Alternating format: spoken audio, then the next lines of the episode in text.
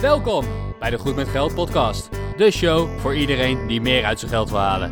Of je nu als millennial eerder wil stoppen met werken of gewoon graag je financiën op orde wil hebben, hier ben je aan het juiste adres, want hier ben je goed met geld.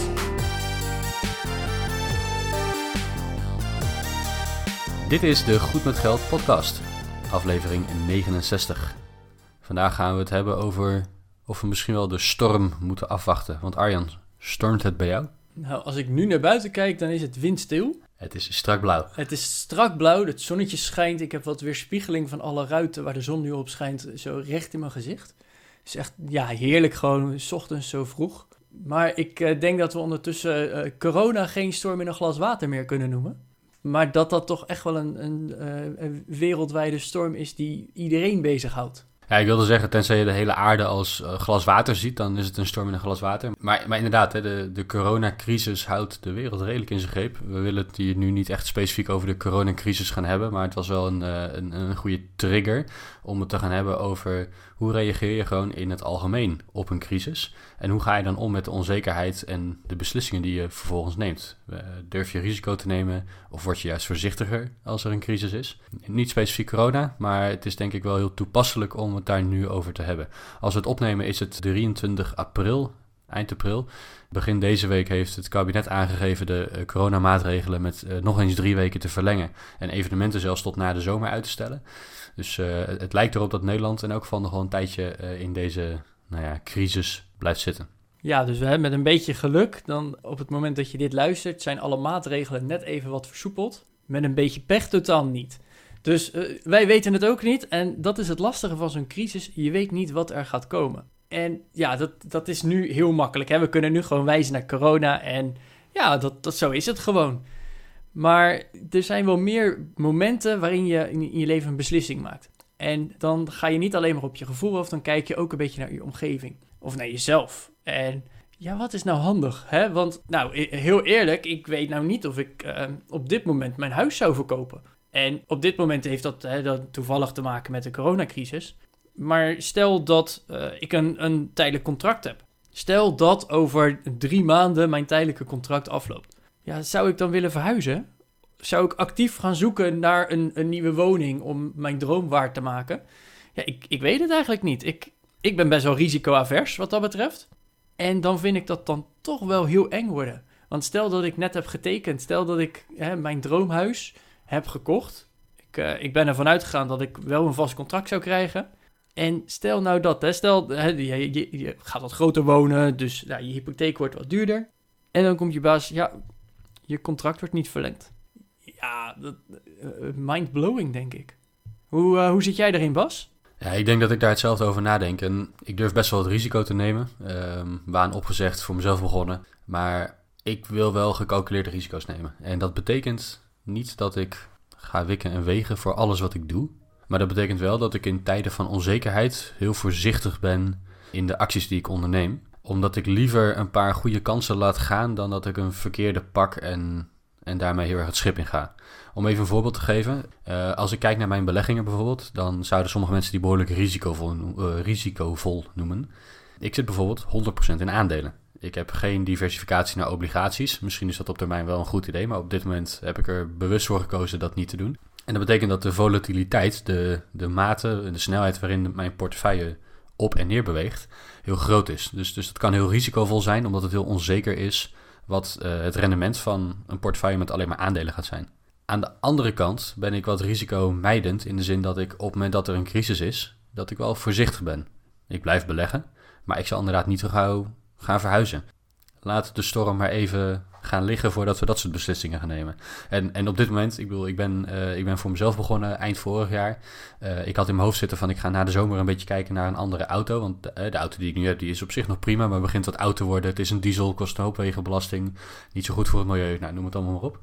Uh, plus dat ik als ondernemer uh, er een extra dimensie in het autorijden bij heb gekregen. Namelijk, ik kan privé een auto kopen, maar ik zou hem ook zakelijk kunnen kopen. En dat is misschien belastingtechnisch wel interessant. Maar op dit moment, ik zou als, als, als corona op deze manier doorzet, dan ga ik uh, na de zomervakantie geen nieuwe auto kopen. Nee, want die auto doet het nog prima. mijn auto doet het nog prima. En, en ja, mijn maandelijkse kosten die kunnen flink omlaag gaan. Misschien als ik een andere auto koop. Maar daar staat wel tegenover dat ik heel veel kapitaal neer moet leggen. Dus uiteindelijk is het een investering die je terugverdient.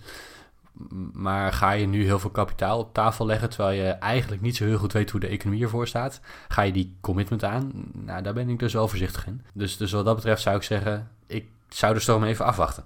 Ja, en hè, eh, wat je zegt, je bent voor jezelf begonnen, je hebt je baan opgezegd en bent gewoon zelf gaan, gaan ondernemen. Maar ik weet ook vrij zeker, Bas, dat op het moment dat jij nog in een huurhuis zou wonen, dat jij eerst ging zorgen dat jij een vaste woning zou hebben voordat jij uh, zou gaan ondernemen. Of uh, heb ik dat helemaal mis? Nou, in, in, in, mijn persoonlijke geval wel. Ik weet niet of dat voor iedereen zo geldt. Huren is niet slecht en, en, kopen is zeker niet altijd beter of goedkoper. Ja, ik, ik wil wel graag een koopwoning hebben. Nou, die heb ik toevallig. Als jij de, de wens hebt inderdaad om een koopwoning te bezitten, om, om een appartement of een huis te kopen, dan is het slim om dat te doen vanuit een financieel sterke positie. Om ervoor te zorgen dat je een stukje eigen vermogen hebt, dat je geld op de bank hebt. Maar ook dat je een nou, misschien wel gegarandeerd inkomen hebt. En dat is heel prettig om dat vanuit een baan met een vast contract en een, eh, en een, en een vast maandelijk salaris te doen. Als je net begint met ondernemen, dan, dan stuit het je inkomen alle kanten op. Uh, de afgelopen maanden zijn voor mij heel goed geweest. Uh, dus dat is, dat is prettig. Maar het, het zou zomaar kunnen zijn dat als je net begint, dat je het een poosje zonder inkomen moet doen of met heel weinig inkomen. Ja, als dat net ook de tijd is dat je een huis wil kopen, ja, misschien, is dat, uh, misschien moet je dat niet tegelijkertijd doen. Nou, sterker nog, ik weet nog de aflevering van een paar weken geleden met Irene.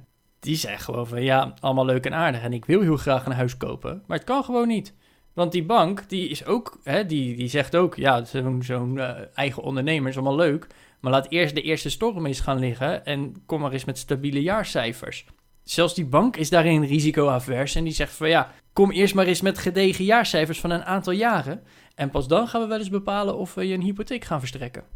Ja, dat is voor, voor veel kleine ondernemers inderdaad uh, het geval. Waarbij ik wel moet zeggen, het is ook heel erg afhankelijk van je persoonlijke situatie. Hè? En ik meen dat Irene um, niet heel lang voor een baas heeft gewerkt en, en, al redelijk snel dus voor zichzelf is begonnen. Uh, in mijn geval, ik heb een aantal jaar, uh, zo'n zes jaar in loondienst gewerkt voordat ik voor mezelf begon. En er zijn behoorlijk wat banken inmiddels die startende ondernemers uh, best willen helpen. door ook het inkomen uit de afgelopen jaren in loondienst mee te nemen. Het nadeel voor jezelf daarvan is wel dat het inkomen vaak wat lager is dan het inkomen dat je uit, uit je eigen bedrijf hebt. en omdat ze naar het afgelopen drie jaar kijken, geloof ik, zal zeker bij een stijgend inkomen ja, zal je niet uh, op het inkomensniveau zitten. Wat je in je laatste jaar hebt verdiend of wat je dit jaar verdient. Maar krijg je toch wel de mogelijkheid om, om met dat gemiddelde inkomen van de afgelopen drie jaar een, woning te financieren. Dus er zijn zeker wel mogelijkheden. Maar ja, het, het, afwachten van, uh, het afwachten van hoe gaat het nou, dat is toch wel verstandig, denk ik. Al was het maar omdat je even een buffertje kan opbouwen, omdat je de tijd hebt om je te oriënteren en je bedrijf goed op de rails te krijgen. Dat is helemaal geen verkeerd idee. Dus ja, voorzichtigheid is misschien wel goed. En, en je kunt in, in sommige delen van je leven, en, zeker in je financiën, best wat risico nemen om heel veel uh, rendement na te jagen. Of heel veel rendement, maar om een gedegen langetermijnsrendement na te jagen. Maar je moet niet zomaar overal inspringen, denk ik. Ik denk dat je daar dat je dat wel bewust moet doen. En, en op het moment dat de hele wereld in de brand staat, dat je extra voorzichtig moet doen. En, en ik vind het heel leuk. Ik ben best wel. Nou, Arjen, jij kent mij, ik ben behoorlijk hyperactief misschien wel. uh, ik, ik kan niet stilzitten. Maar ja, ik, ik heb mezelf wel aangeleerd om misschien iets vaker nee te zeggen. Want anders dan ren ik als zo'n puppy overal achteraan. Dus ik vind alles leuk. Ik ga dat doen, ik ga dat doen, ik ga dat doen. Maar juist door even een momentje van bezinning te pakken, na te denken en dan nee te zeggen. En dan een paar weken later zo voor je kop te slaan dat je het niet hebt gedaan. Dat is beter om dat tien keer te doen uh, dan, dan om één keer een verkeerde beslissing te maken. Zeker als je het hebt over hele grote investeringen zoals een auto of een huis. Dat zijn, uh, zijn best wel heftige dingen.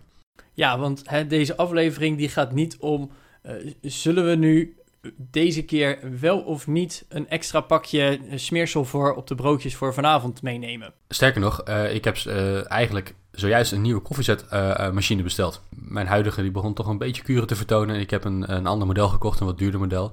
Geef je een paar honderd euro uit.